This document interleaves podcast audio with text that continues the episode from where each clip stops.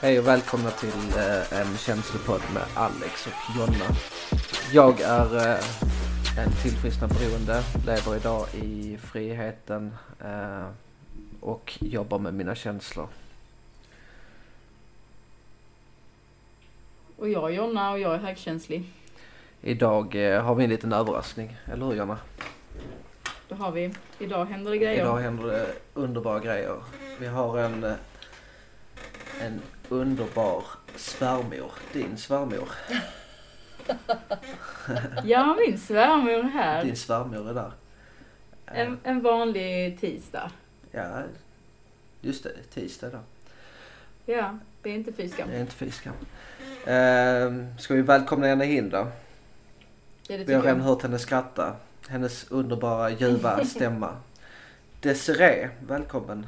Ja, tack så mycket. Varsågod. Ehm, du har lyssnat på våra avsnitt och Alla, alla avsnitt och du vill, utom det sista. förutom det sista, så nästan alla. Men eh, du ville gärna vara med. Ja, det är ju en ära att få gästa er podd. Ja. Och vara första gästen också dessutom. Det också. Mm. Vi eh, tycker det ska bli jättetrevligt. Ja, det får vi hoppas. Vi har bara börjat. Ja. Vem är du då Desiree? Jag är Jonas svärmor. Och eh, då är jag ju såklart eh, mamma till Jonas man. Jag är 57 år och eh, ja, men jag är väl en ganska vanlig person tror jag. Fast lite ovanlig ändå kanske. Vad, vad, vad är vanligt? En vanligt? Ja men det är väl vanligt att vara ehm, en person som inte är helt felfri och som inte alltid mår jättebra. Mm. Eh, sen har jag ju ett ovanligt jobb och kanske inte världens vanligaste hobby. Nej. Nej. Vad är det för hobby då?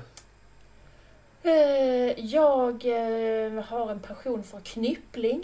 Det Knippling? är sånt där, hand, ja, det är sånt där hantverk som man har trott var på väg att dö ut. Men som några envisa tanter och en och annan väldigt envis gubbe också håller på med. Okej. Mm. Så Desiree är alltså en av tanterna nu. Ja, precis. Ja. Hur gammal var du? 57?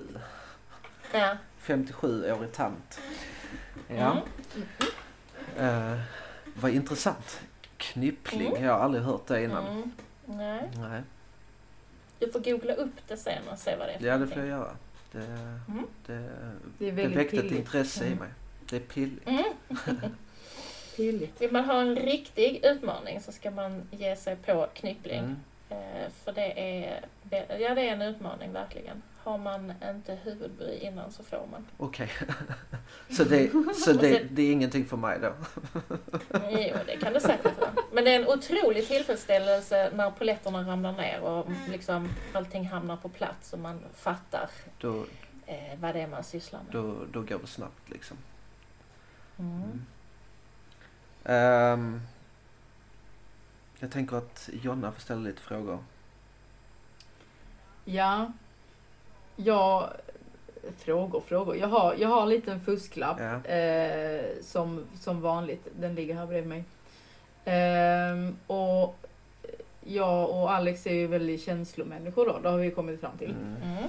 Mm. eh, under dessa veckor och annars också. Ehm, men jag vet att du nämnde för mig att, att du är tvärtom. Mm. Och vad menar du med det då? För då blir jag genast väldigt så här, nyfiken. Så vi är känslomänniskor, Mm. eh, men, men hon är tvärtom. Och vad, vad betyder det? Eh, det betyder att jag har i princip alltid is i magen. Mm. Och det finns ju vissa som tror att jag är helt känslokall eller kanske till och med psykopat. Men det är jag ju verkligen inte. Men jag har ju, eh, jag har ju Aspergers syndrom. Och det är, eh, ja vad ska man säga, jag fick min diagnos för ungefär tio år sedan. Eh, och eh, det innebär ju att jag ja, jag hör liksom inte saker på samma sätt som andra hör och jag ser inte saker på samma sätt som andra. Alltså jag tolkar grejer lite annorlunda. Och inom det här autismspektrat så kan man väl säga att man har, det, det är ju väldigt brett. Så om man jämför det med att vara färgblind, eller att, att vara blind eller synskadad, så är det ju allt ifrån att vara färgblind till att vara helt blind. Så eh, var jag ligger på skalan kan man väl säga att jag är färgblind med brytningsfel. Så jag är liksom välfungerande men det är många grejer som jag eh, inte riktigt hajar just när det gäller den här känslobiten. Så om vi upplever samma sak, om vi lyssnar på radion till exempel, Jonna och jag, och hon blir jätteupprörd av det hon hör på nyheterna, så kan jag inte ta till mig det jag hör på nyheterna om jag inte kan visualisera det i mitt huvud som bilder. Okay. Och, det, och, och då hinner det liksom filtreras bort innan jag hinner skapa de här bilderna. Och då uppfattar inte jag det alls på samma sätt som en människa då som är normalfungerande eller kanske högkänslig. Och det är likadant med sorg. Om en person eh, dör, då har jag jättesvårt att ta det till mig om inte jag ser den personen. Så du, du, du måste alltså ha typ en bild framför dig för att kunna ja, känna, alltså för att känna känslan liksom? Ja, ja. Eller om jag, om jag träffar en person som har ett neutralt face. Mm. Då, och jag inte kan tolka om den personen är arg eller ledsen eller glad. Då blir det ju lite oroligt för mig för då vet inte jag hur jag ska förhålla mig till den personen. Nej, jag förstår. Mm, så jag kan ju fråga folk, och det kan de bli lite irriterande på mig, eh, om, om att jag kan liksom fråga folk, eh, hur, alltså, hur mår du? Och då säger de, jo men det är väl okej. Okay. Ja men hur mår du egentligen? ja, precis. Ja. Eh, för jag förstår inte om de säger att jo men det är okej. Okay. Ja men vad är det som är okej? Okay? det var väldigt intressant ja. på ett sätt för att jag och Alex var på lite äventyr idag och då pratade vi lite om det. Eh, just det här att, att när någon säger jag mår bra så mm. får man aldrig följdfrågan på ja men vad är det som är bra? Mm. Men säger man jag mår dåligt eller jag är ledsen, då mm. får man ofta följdfrågor på det. Ja, ja. ja ibland liksom. Men, men, jag, men jag uppskattar den följdfrågan. Jag, eh, mm. jag kan ju känna så här, jag var på ett tolvstegsmöte och så, sa, så frågade en där liksom. Så här, ja, hur mår du? Jag bara, nej men det är bra. Han bara, varför? ja, och jag blev helt ställd. Alltså du vet, man, mm, eller ja. man har levt, alltså, men jag uppskattar det jättemycket för då kunde jag liksom förklara för, mm. för, eller för honom eller hen, ja honom blir det. Eh, att liksom, ja, så här har min dag varit. Och jag, mm. jag kunde faktiskt uppskatta det väldigt mycket. Så det, det, det är nog en väldigt fördel Desiree, att du kan ställa sådana frågor. Mm. Faktiskt. Men sen om, om en person, alltså jag är ju, jag ser ju väldigt, väldigt små detaljer som ändras. Alltså jag är väldigt mm. så detalj eh, observant eller vad man ska säga. Så om jag har en arbetskamrat som kommer in och inte ser ut som vanligt och det är inte för att han har klippt sig eller har skaffat glasögon eller rakat bort skägget. Utan jag ser liksom att ja, men det är någonting i hans anletsdrag som inte är som de brukar. Då brukar jag fråga liksom, hur är det? Mm. Har det hänt någonting? Ja, nej, det, vad skulle det vara? Ja, jag vet inte men du... Du, du ser annorlunda det verkar ut. Som, det, ser, det verkar som att det har hänt någonting. Du får mm. jättegärna berätta om du vill. Mm. Och då är det flera gånger som jag har fått höra av mina arbetskamrater då att ja, men det var någon farfar som dog i helgen eller det var något annat tradigt som hade hänt eller att ja, men jag är nog inne i en, inne i en svacka. Det kanske är det här sjätte sinnet som, som vi var inne på i avsnittet om högkänslighet. Ja. Det tror inte jag. Utan Nej, jag, okay. tror, jag tror att det handlar om avvikelser. Alltså att jag, ja, ser, ja. jag ser att eh, För jag, det är också i mitt jobb att jag eh, ser små, små avvikelser som ingen annan ser. Jag jobbar ju som plattsättare. Ja. Så om en, en platta hänger lite, lite snett så, så ser jag ju det. Medan någon annan kanske inte överhuvudtaget bryr sig.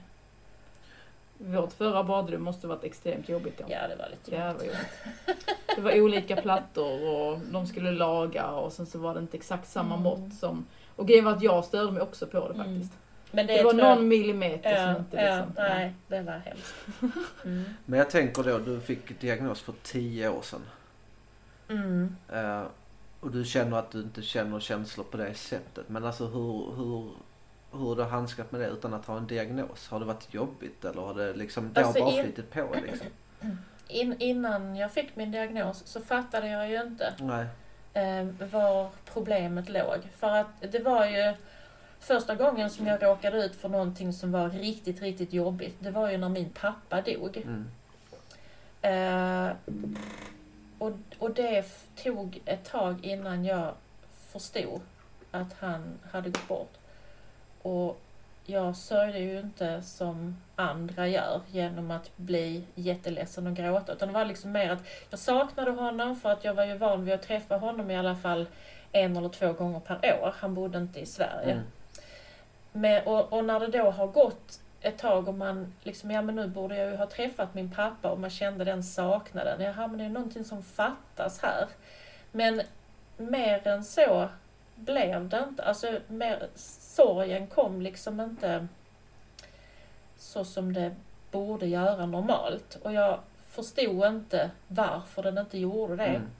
Sen, sen nästa gång det hände någonting som var sådär eh, jobbigt och som borde vara känslomässigt jobbigt, det var när jag och min eh, förra man eh, skilde oss. Och eh, då tänkte jag, man har ju sett på film hur folk agerar när de eh, separerar eller när de blir lämnade eller vad det nu är som händer. Att, att man gråter och att man kanske eh, bryter ihop efter ett tag och man kanske ringer upp sitt ex och Mm. är liksom helt utom sig och man, man ska ju ändå ha kontakt med varandra och kunna samarbeta kring barnen och så. Och jag gick bara och väntade på att det här sammanbrottet skulle komma, att jag skulle flippa ut och bli förbannad och börja gråta och ringa honom mitt i natten. "Åh, Du har förstört mitt liv och bla bla bla bla bla. Och så tänkte jag så här, när kommer, när kommer det här? Eh, utbrottet. Och det kom ju aldrig. För jag är ju inte en sån person för det första. Um, utan det var ju alltid väldigt lugnt och sansat kring allt det här som hade med vår eh, separation och skilsmässa att göra. Så det var, det, och det var konstigt att liksom inse att nej, det där kommer aldrig till att hända. Man hade gått och, och lite mobiliserat för att ja, sen blir det så här och sen blir det så här. Nej, så, så blir det inte för alla. Men du förväntar dig liksom den där känslan men den, den dök liksom aldrig upp.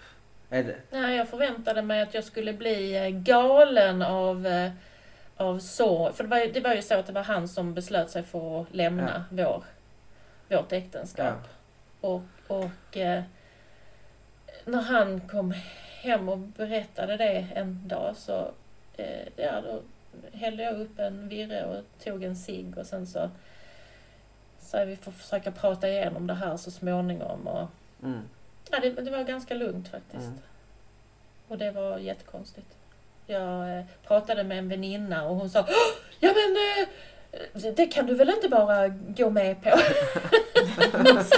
Vad ska man göra? Nej, vad ska jag liksom? göra då? Ja men du får väl, eh, får väl i alla fall eh, st- ställa till med lite, lite bråk. Jag tänkte vad ska, jag, vad, vad ska jag bråka om? Det är väl ingenting att bråka om. Vi säljer lägenheten och vi delar på bohaget och barnen har vi varannan vecka. Sen blir det väl bra. Ja, det var en smidig eh, skilsmässa. Ja, Ja. jätte, jättesmidigt faktiskt. Gud, jag hade nog önskat att jag kunde reagera så också. Mm. Eh, Men eh, Men det är nog ganska ovanligt tror jag. ja, det är det nog. Mm. Eller för mig är det ju väldigt ovanligt Ja, att, att höra en sån här historia. ja.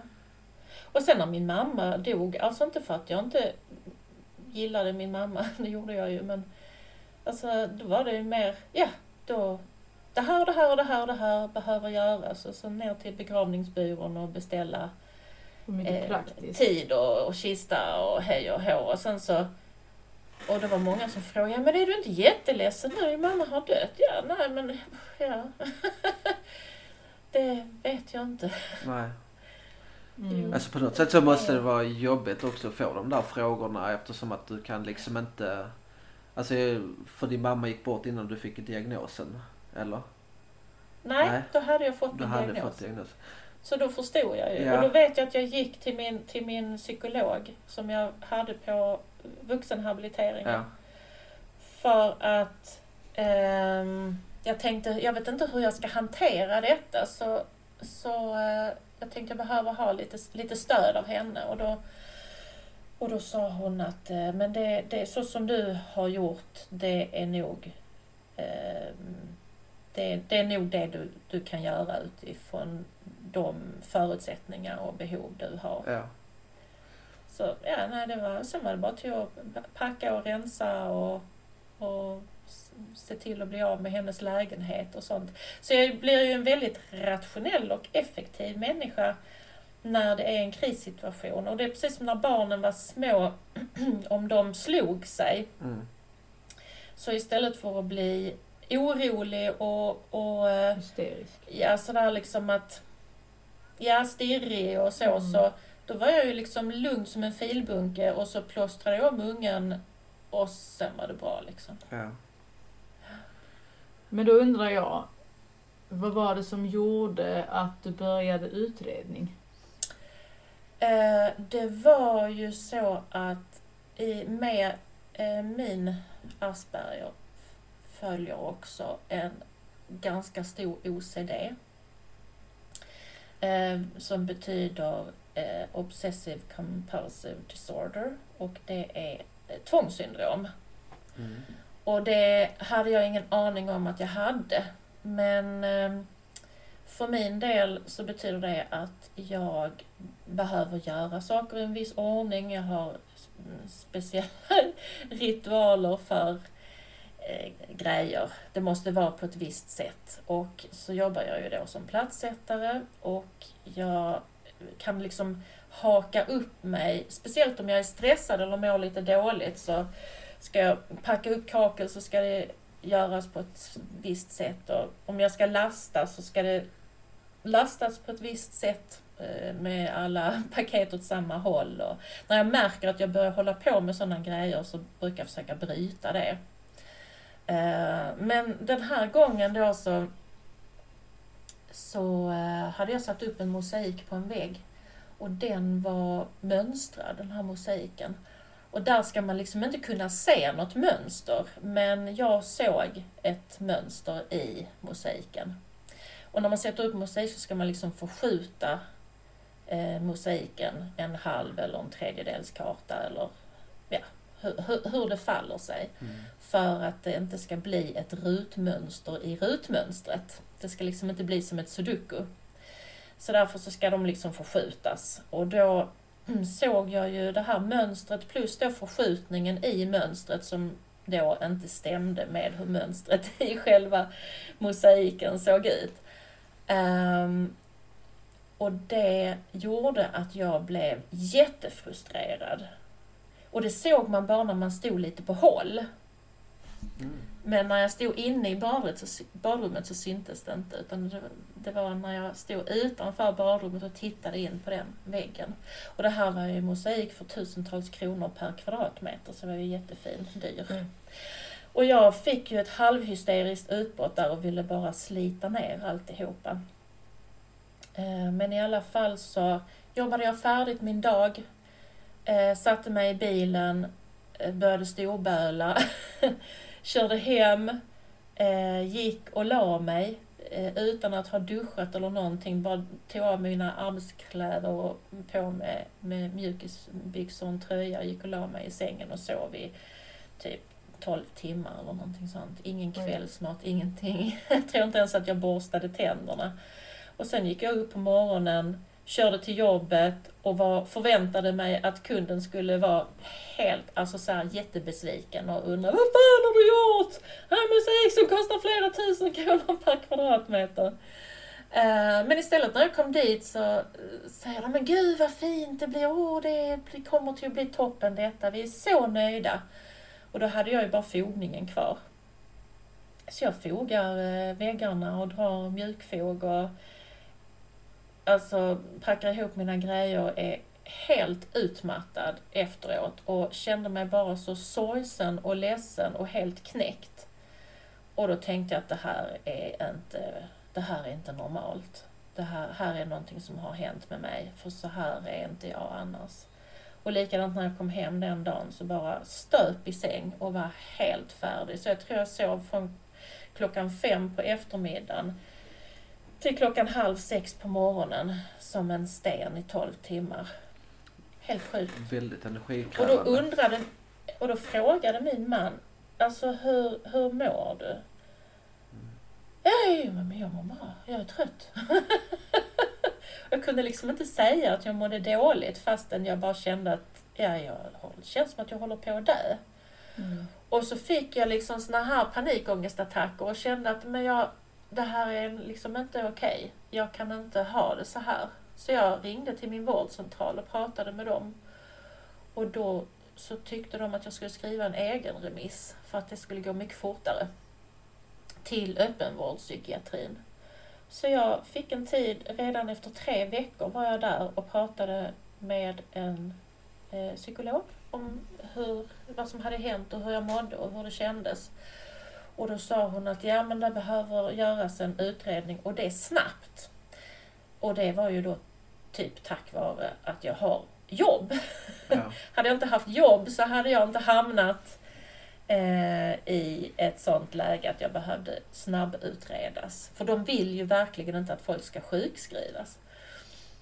Så att då tog det, jag kom tillbaka efter tio dagar och då påbörjades det en NPF-utredning.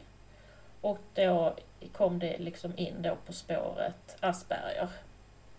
Första delen av utredningen så är det ju samma både för Asperger och ADHD.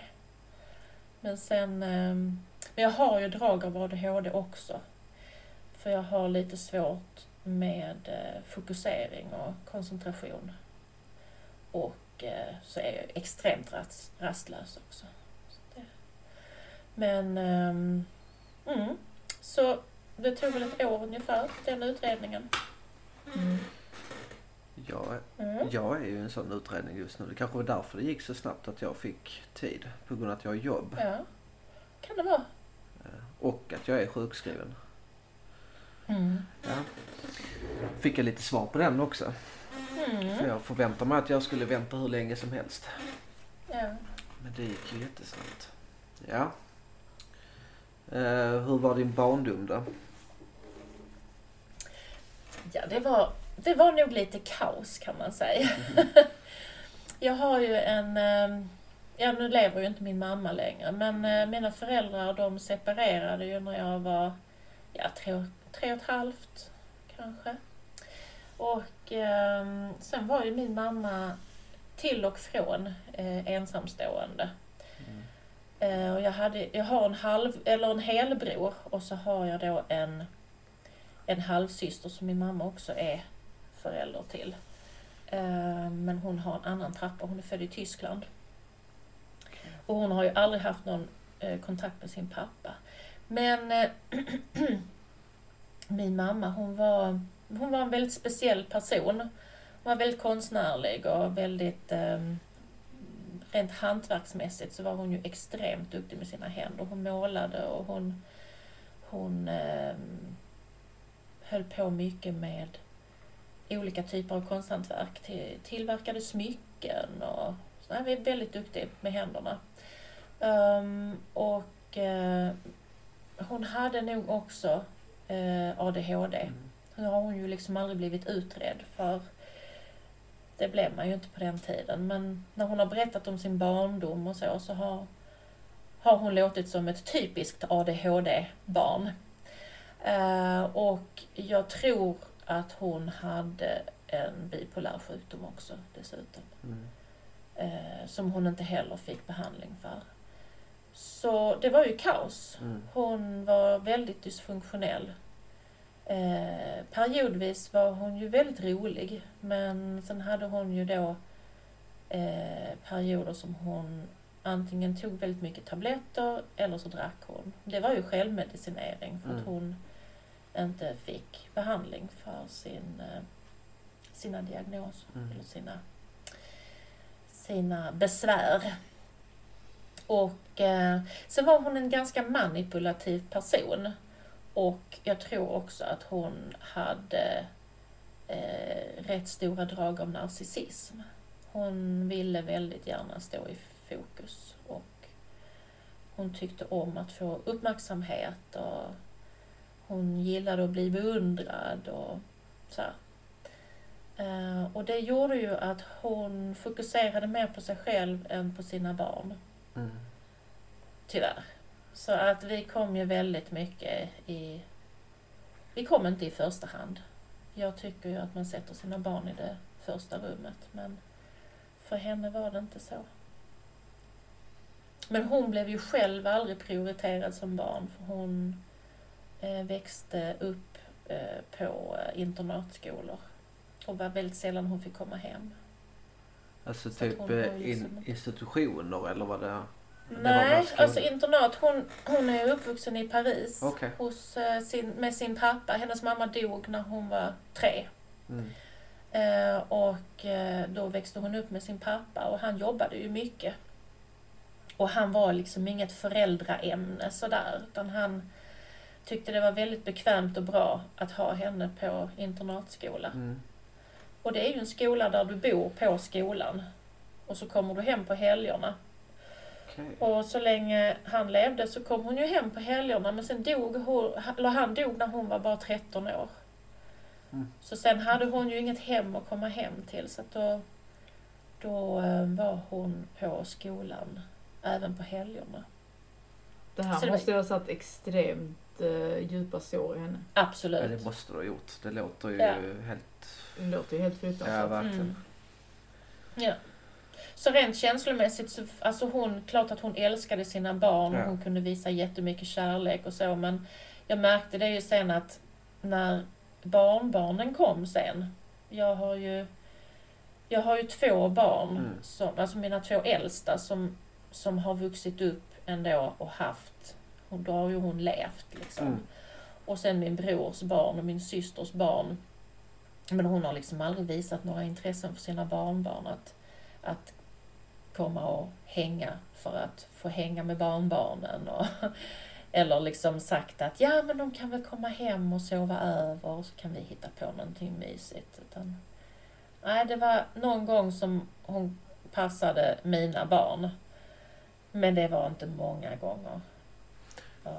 Hon, hon fattade liksom inte det här med hur mycket en familj betyder. Nej, det, det säger sig lite sig själv när man får växa Mm. upp i skolor och så ju. Mm. Den här självmedicineringen blir det över till något missbruk eller något sånt. Ja, men hon drack ju mycket. Mm. Det var väl så här typ var tredje dags drickande. Mm. Ehm, och, och det gjorde ju hon i smyg, så hon gömde ju flaskor i tvättkorgen eller bakom soffan eller var hon nu... Ehm, eller, så, eller så gjorde hon så här att hon köpte två glas, eller två flaskor vin. Och så hade hon druckit den ena eh, innan jag kom hem från skolan. Och så hade hon kanske druckit ett glas ifrån flaska nummer två. Mm. Så det såg ut som att hon bara hade druckit ett glas vin. Men i, i själva verket hade hon ju druckit ett, en hel flaska och ett glas. Ja, det är, Hur märkte du detta? Ja, Jag märkte ju det för att hon var kanonfull. Ja, okej. men det, det är ju så typiskt beroende. Alltså när, Ja. när man är fast i det där. Jag känner ju igen det här Ja. manipulativa också. Jag själv har Ja. varit väldigt manipulativ. Eh, Men hon slutade själv.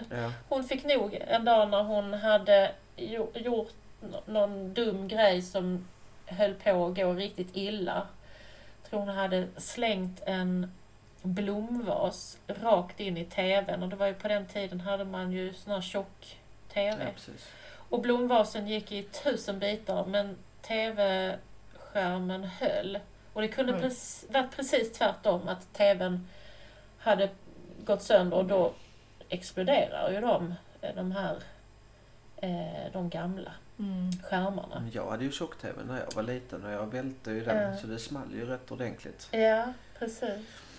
Och då tänkte hon att, nej vänta, eller alltså när hon hade nyktrat till sen så insåg hon att, nej jag får nog, eh, jag får nog ta och um, skärpa mig. Så hon slutade Mm, dricka på egen hand. Och det ska hon ju ha en eloge för. verkligen. Verkligen.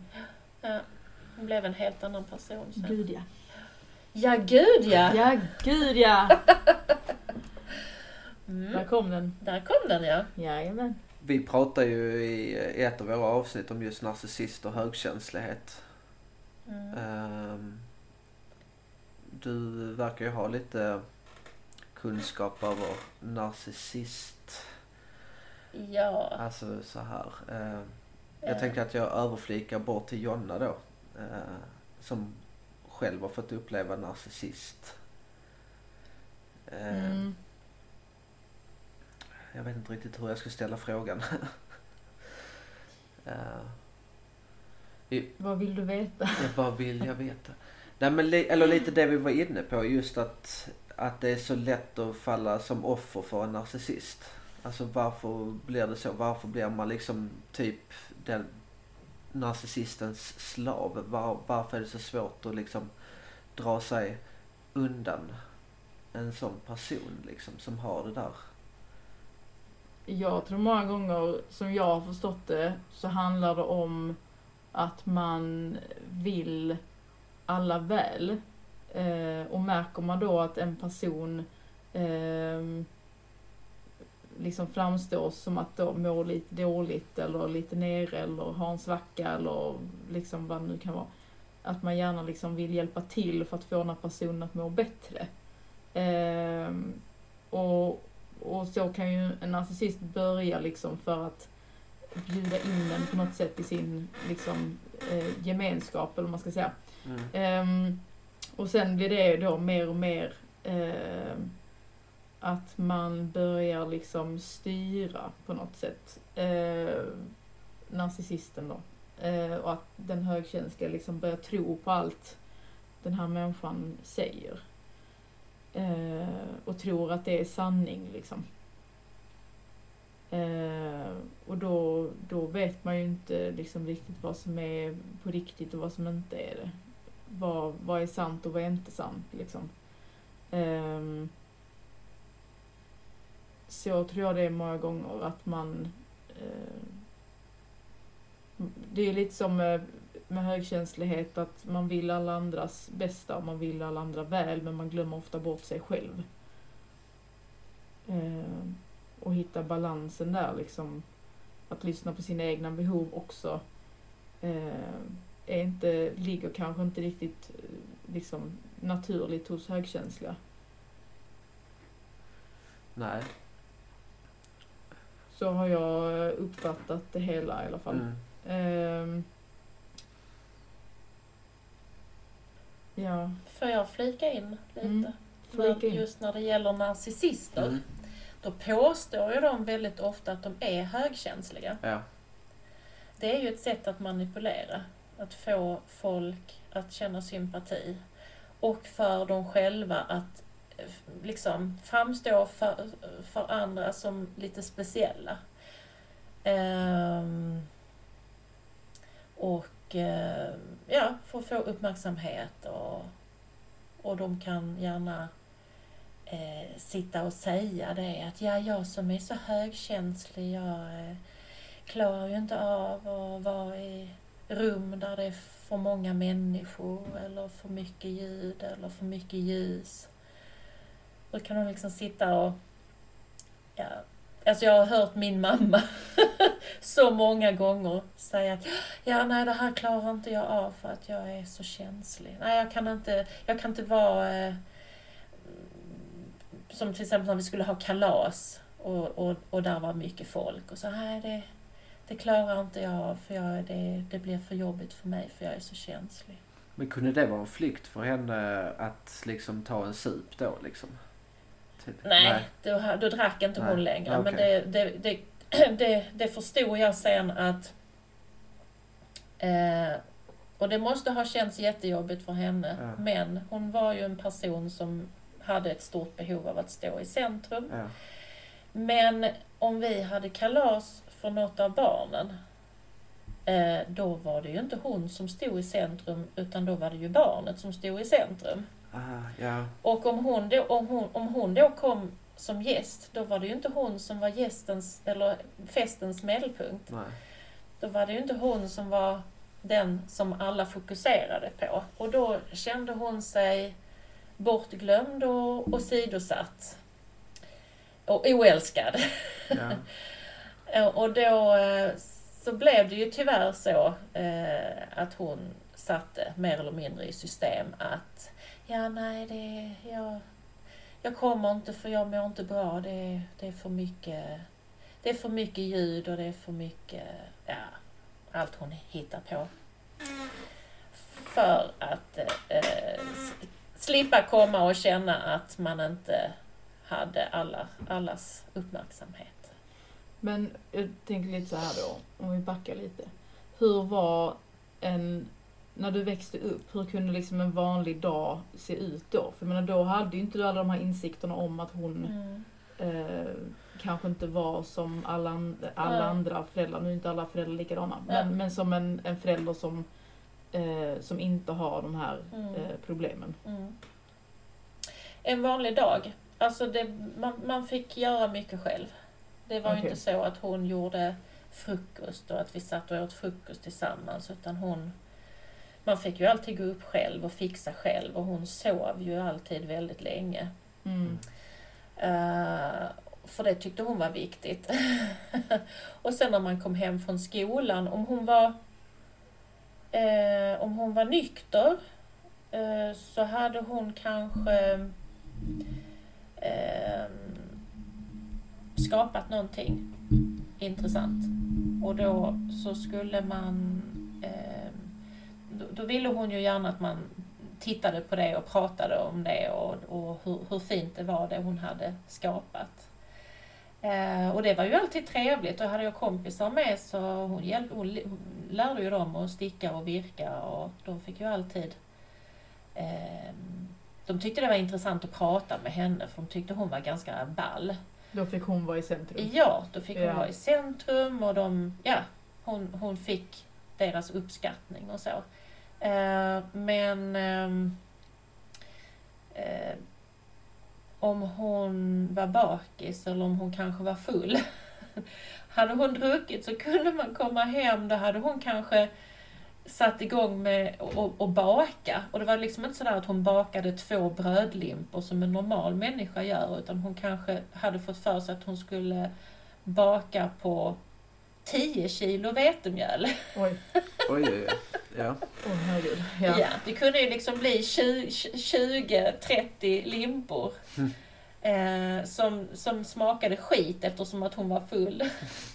Nej. Och sen så hade vi äckligt bröd som låg i frysen och som aldrig blev uppätet och sen så till slut så fick det slängas. Åh. Alltså det var liksom... ja.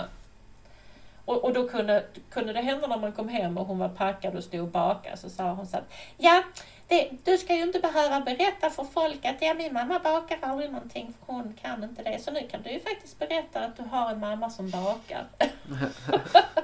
Åh. Men, där, men där kommer lite där fokuset igen liksom. Alltså att, eller, Mm. eller, Ja. eller att stå i centrum liksom. Ja, För då kan ju... Skryt om mig, ja, Ja. precis. vad duktig precis. jag är. Ja, men jag kanske ska säga det till, till mina barn att ja, ni kan ju berätta för era arbetskamrater hur duktig, hur duktig din mamma är på att knyppla. Ja, precis. Skryt om mig, skryt om mig. Ja, nej, jag tycker det är förfärligt. Det, Men hur kunde andra, alltså till exempel dina syskon och sånt här uppfatta detta? Har de...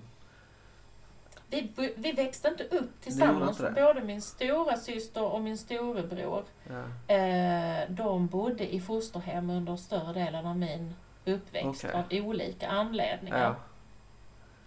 Så att eh, jag var ju som ett ensambarn hemma. Så jag stängde in mig på mitt rum och så levde jag i min egen lilla värld Mm. med mina böcker och mina, eh, ja, mina, eller ja, jag tränade ju mycket när jag växte upp eh, och var mycket med kompisar. Var ju helst hemma hos andra Mm. Mm. eh, för att slippa vara hemma. Har din pappa pratat om din mamma liksom? De skiljer sig väldigt tidigt men alltså har Ja, han en eh, uppfattning om varför de separerade och så liksom? eh, ja, och det är rätt så roligt att höra bådas versioner. Han Mm. lever ju inte heller längre, Nej. min pappa. Men, men eh, det var ganska sent jag fick kontakt med honom. Då var jag väl typ 21, tror jag. Så jag hade inte sett honom sedan jag var ja, nästan fyra. Mm. Oj. Mm, så det var många år som vi inte hade någon kontakt. Och min mamma var ju ganska duktig på att prata illa om pappa. Mm. Att, han, eh, att han inte var en jättebra person. Eh, och eh, han hade ju skickat brev och presenter och sådär under de här åren. Och de hade ju inte hon... Jo, hon hade, vi hade fått presenterna, men hon hade ju inte sagt att de var från honom. Ah, Nej, men gud. oj. Och brev och kort och sånt som hon hade skrivit, det lät inte hon oss få. Utan det, ja, det åkte väl i papperskorgen tror jag. Hon sparar inte ens dem alltså? Nej, Men hon gud. gjorde inte det. Så när pappa, eller när jag träffade honom första gången, då hade jag ju, jag hade ju skrivit ett brev till honom när jag var 21 eller 22. Mm. Och sen åkte jag och hälsade på. Då bodde han ju i Vasa i Finland. Och eh, då eh, fick jag ju höra ungefär samma historier som hon hade berättat. Fast jag fick ju höra det ur ett annat perspektiv Ja, precis. Och med en helt annan eh, förklaring. Och eh, min mamma hade ju alltid sagt att pappa var så otroligt svartsjuk och han kvävde henne och hon fick inte göra någonting. Hon fick ju inte träffa sina väninnor och hon fick inte ditten eller datten. Var det tvärtom? Och så frågade jag honom liksom, hur var det med det här? Och då berättade ju han att ja, alltså hennes väninnor de var ju för det första ensamstående, så de var inte gifta. Och de var ute på klubbar i Lund och såna här studentnationer och sånt och festade och hade min mamma med. Och min mamma, hon hade ju så stort behov av uppmärksamhet så att hon, eh, hon, hon var ju ganska snygg också dessutom. Mm. Så hon, eh, hon, hon älskade ju att vara ute och dansa och karlarna flockades kring henne. Och så hade hon ju också lite svårt att hålla fingrarna borta. Och av någon konstig anledning så tyckte hon att hon hade liksom sin fulla rätt att ligga med andra. Åh, gud. Och hade hon levt i ett polyamoröst förhållande så hade väl det varit helt, varit helt okej. Men min pappa var ju i, i högsta grad monogam Mm. och förväntade sig detsamma av henne. Så att det var ju där. Och det erkände hon också. Eh, jag tror jag ställde frågan till henne kanske tre år innan hon dog. Så vad, vad var det egentligen som gick snett mellan dig och pappa? Mm. Så sa hon, ja men han var så, han var så krävande och så kvävande och så svartsjuk. Så sa jag, men vad, vad gav honom anledning att vara svartsjuk? Fanns det någonting där som, som du gjorde, som gjorde att han blev svartsjuk? Ja, så berättade hon ju då att, att eh, hon hade haft eh, relationer med andra män. Så sa jag, men, men det är ju inte okej. Nej, det, det är det kanske inte, men det tyckte jag då. Oj. Ja. Ja. Alltså tänkte man då är det ju inte så konstigt att ert äktenskap gick åt skogen. Ja, nej det var det väl kanske inte, sa hon. Oj. Men hon hade fortfarande, så gammal hon var, hade hon liksom inga betänkligheter. Ingen ånger eller någonting sånt? Ingenting. Oj. Nej. Ja. Och det vet jag ju också sen när, när hon hade en, en väldigt, väldigt lång relation med en man som jag nu kallar för min styvfar. Eh, det var ju från det att jag var fem sex år till långt efter det att jag hade flyttat hemifrån. Och de var ju fortfarande vänner till den dagen hon dog. Men med honom var det ju också sådär att hon, hon slängde ut honom när hon var trött på honom eller om hon hade träffat en annan kar Mm. och så var hon ihop med den här nya karen då kanske i ja, några månader eller ett halvår eller ett år. Och sen så tog det slut. För hon var ju ingen människa som kunde leva egentligen i en relation. Eh, hon tröttnade också väldigt fort. Mm.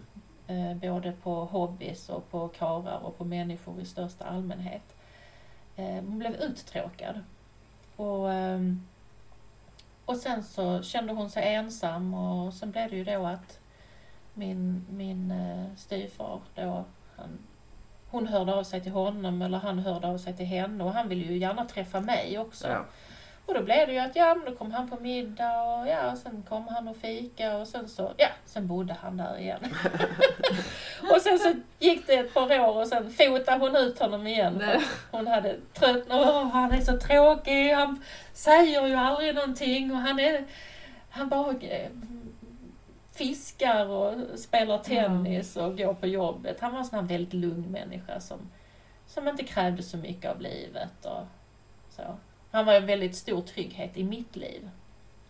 Men eh, han var väldigt tyst, tystlåten och, och eh, inte så pratsam. Och han gav ju inte henne den bekräftelsen som hon behövde. Men Så- väldigt, väldigt snäll. Mm, väldigt Extremt snäll är han. Mm, otroligt hjälpsam människa också. Så att, eh, så så såg min uppväxt ut. Så att jag var ju väldigt angelägen om att flytta hemifrån väldigt tidigt. Och eh, det gjorde ju att jag kanske inte riktigt skaffade mig den utbildningen som jag helst hade velat ha. Mm. Utan jag ville ha ett jobb så jag kunde flytta hemifrån så fort som möjligt.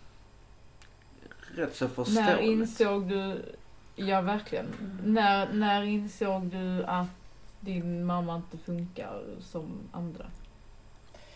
Det var ju först när jag hade flyttat hemifrån och såg det liksom ur ett annat perspektiv. Och hade erfarenhet av eh, andra vuxna på ett annat sätt. Liksom. Och så tänkte man tillbaka, men det här var ju helt uppåt väggarna. Det här var ju jättekonstigt och det här var ju jättekonstigt. Så att det var, det var många poletter som ramlade ner sen under årens lopp. Och hon insåg ju också själv att hon inte riktigt funkade som hon borde. Hon, eh, var, hon var ju också mytoman, så under hela min barndom så hittade hon ju på en massa rövarhistorier. Jag är själv ganska duktig på att hitta på rövarhistorier, men jag brukar ju alltid erkänna att det här var ju ett, en saga, eller en Ett skämt. Ja, precis. Ja. Eh, Men hon, för henne var det ju liksom fullaste allvar, så jag trodde ju på fullaste allvar på vissa saker som hon hade berättat. Som till exempel att min farfar hade jobbat som tjurfäktare, eller att han var tjurfäktare. Mm. Och att han hade dött av att han hade fått magen uppsprättad av en tjur Nej men herregud. i den här eh, tjurfäktningsarenan inför publik. Nej men fy. Och att tarmarna, hur de hade liksom ra- ramlat ur magen på honom. Nej men usch. Så det trodde jag ju på fullaste allvar tills jag pratade med min pappa.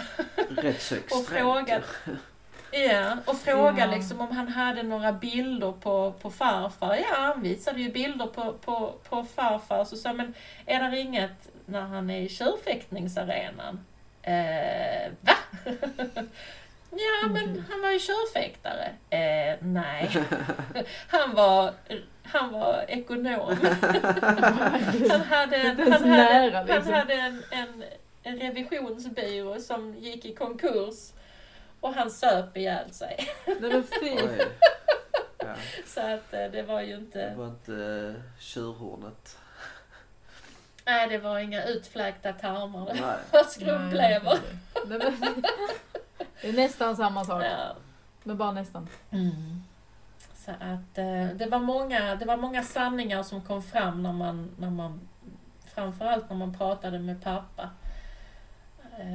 Att eh, Andra perspektiv. mm, saker som hon hade sagt som inte var helt sant. Men jag kan ju förstå dig då du säger Aspergers syndrom och så att det är svårt att förstå skillnaden om du inte kommer utanför och ser det i ett annat perspektiv liksom. Ja, Mm. Ja. Så där kan man ju se det redan där att man, fa- Mm. man fastnar liksom i den sanningen Ja. lite när man lever i det. mm. Mm. Mm. Jättespännande. Mm. Har det, har det gett, har det varit, alltså, jag tänker för att bearbeta mycket, har det varit mycket terapi genom åren som, och verktyg för att liksom eh, bearbeta eh, olika situationer? Alltså verktyg för mig, det är typ hammare, skruvmejsel, eh, kakelslev. ja, Mm. okej då.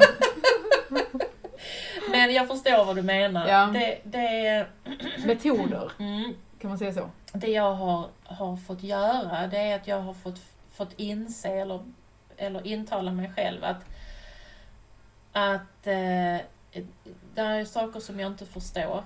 Eh, det här med att läsa mellan raderna och sånt, det, det fattar ju inte jag. Nej. Och jag behöver inte förstå det heller. Jag klarar mig ganska bra ändå. Eh, Men när det gäller min barndom, att bearbeta den, så tycker jag inte det har behövts. För att jag har liksom, jag känner inte att jag har tagit någon större skada av det. Mm. Eh, när jag har pratat med psykologen på habiliteringen, jag gick väl i två år hos henne i början en gång varannan vecka och sen blev det ju mer och mer sällan. Men det var otroligt bra att prata med henne och, och få bitar att falla på plats. Men jag har aldrig känt att jag har behövt någon terapi eller så, någon KBT eller sådär. Utan jag, ja, jag har ju inte heller förmågan riktigt att bli deprimerad. Jag kan få väldigt, väldigt stark ångest. Mm. Eh, speciellt när, när jag kommer in i mina såna här OCD-skov där jag behöver hålla på och sortera grejer och så försöker jag att inte göra det för att jag vet att det här är ett sjukt beteende. så eh, Men det är mer att du får spinn- ångest över att du ska bryta det liksom. Ja, eller att jag kom, att jag, man känner ju sig låg emellanåt, men jag kan ju också få panik om jag vaknar på morgonen och jag ska inte gå till jobbet utan det är en lördag eller en söndag och så har jag ingenting bestämt vid Nej. någon viss tid. Mm. Och då har jag svårt att föreställa mig, eftersom att jag har svårt att liksom eh, förstå abstrakta saker så har jag svårt att föreställa mig hur min dag ska se ut. Ja, okej. Och jag ser bara mitt sovrum och min, och, och min kropp och min säng och kanske min man som ligger och sover. Mm. Men jag ser liksom ingenting annat av den verkligheten som jag befinner mig i. Mm. Och då har jag jättesvårt att tänka mig att jag ska ta mig ur den här bubblan, att jag ska upp ur sängen, att jag ska ut Mm. i resten av lägenheten och göra saker. För har jag ingenting planerat så, så vet jag ingenting. Och, och den, då kan jag få liksom som en nästan panikattack. Mina tankar som far iväg. Men det räcker ju att jag vaknar och är jäkligt kissnödig och måste fara upp ur sängen och ut på toaletten. Då har liksom verkligheten drabbat mig. Ja. Och då kommer inte den ångesten. Men om jag vaknar och man ligger sådär och morgnar sig och man har inte speciellt bråttom upp för varken hunger eller att man är kissnödig, driver en ur sängen, då kan den här paniken komma. Är det ett kontrollbehov?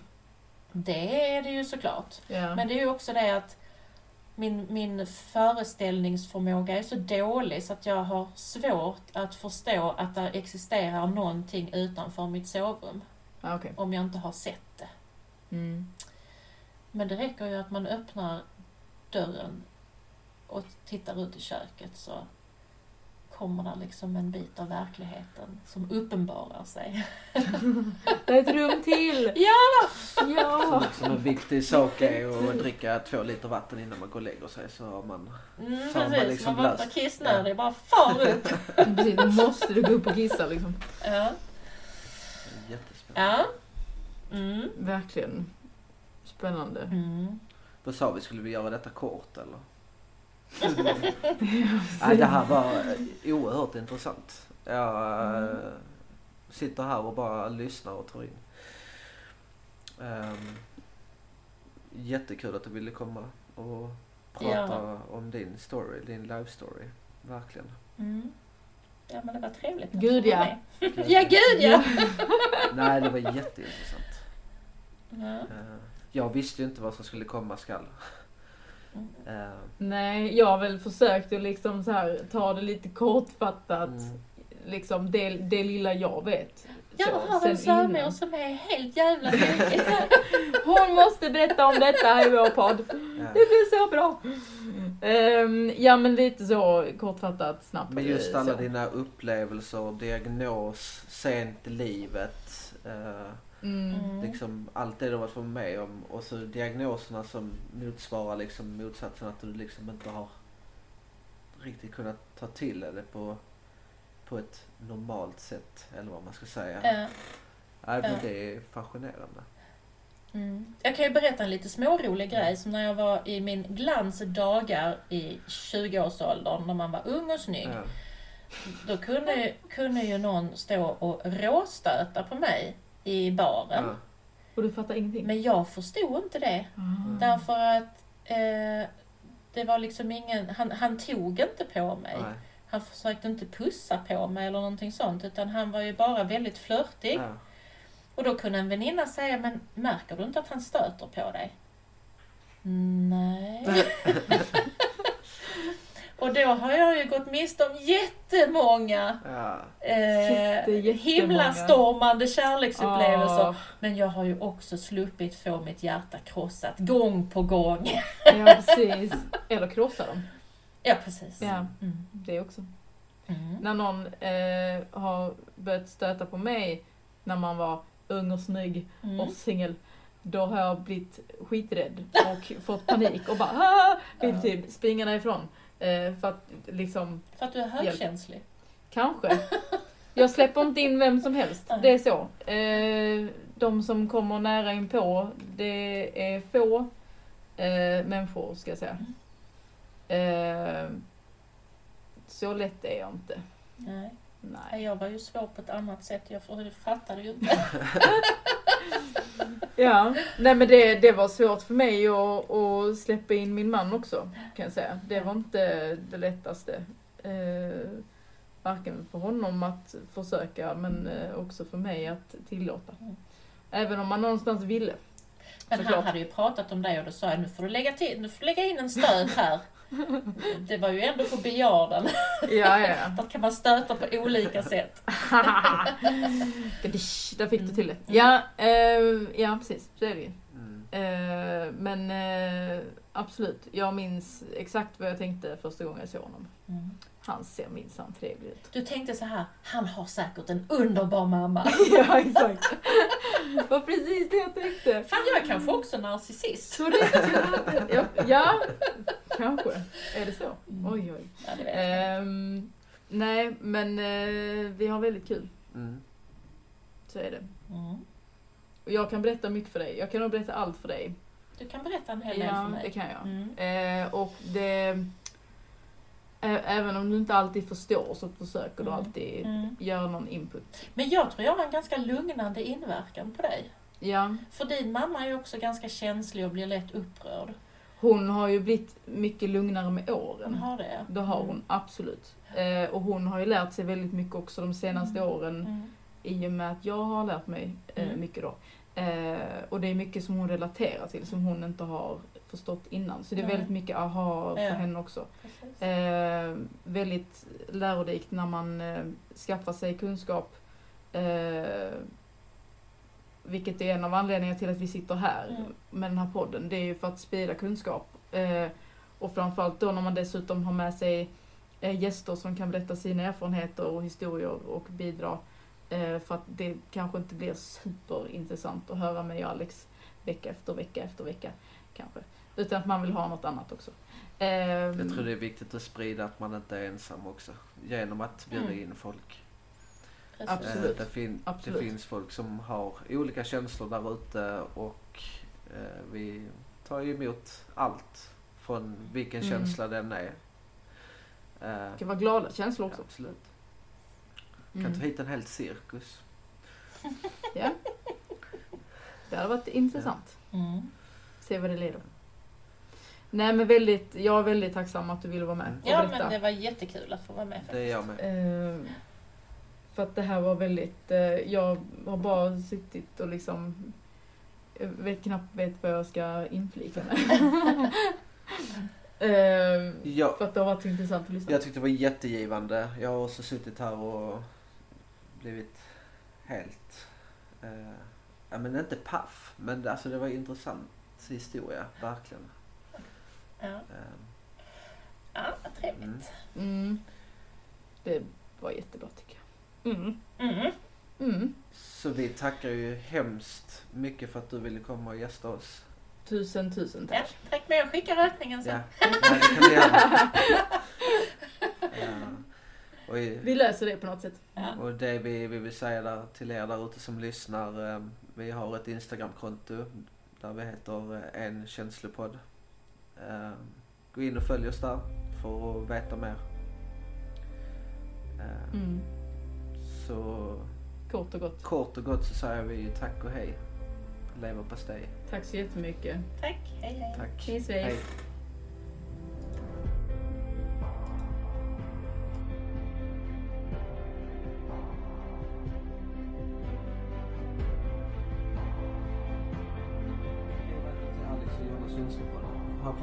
Varför och hur man känner sig när man har känslomässiga utmaningar i vardagen. Varför känner vi som vi gör? Varför känner vi oss ensamma? Varför förstår ingen mig? Vi är här och förmedlar våra känslor och förklarar många olika scenarier kring våra och era känslor. Följ med oss för att lära dig hur jag och Jonna tar an våra utmaningar i vardagen. Ehm. Hej Jonna! Hej! Välkommen in i ditt eh, kaos. Ja, Ditt flyttkaos. mitt flyttkaos. Ditt flyttkaos. Vi sitter just nu på balkongen, eller på din nya balkong Ja, här i Ystad. ja. Mm. Vad gör vi här? Ehm, vad gör vi här? Det har jag egentligen redan sagt. Ja, det har du ju. Mm. Men eh, jag tänker lite så här eh, att du får liksom förklara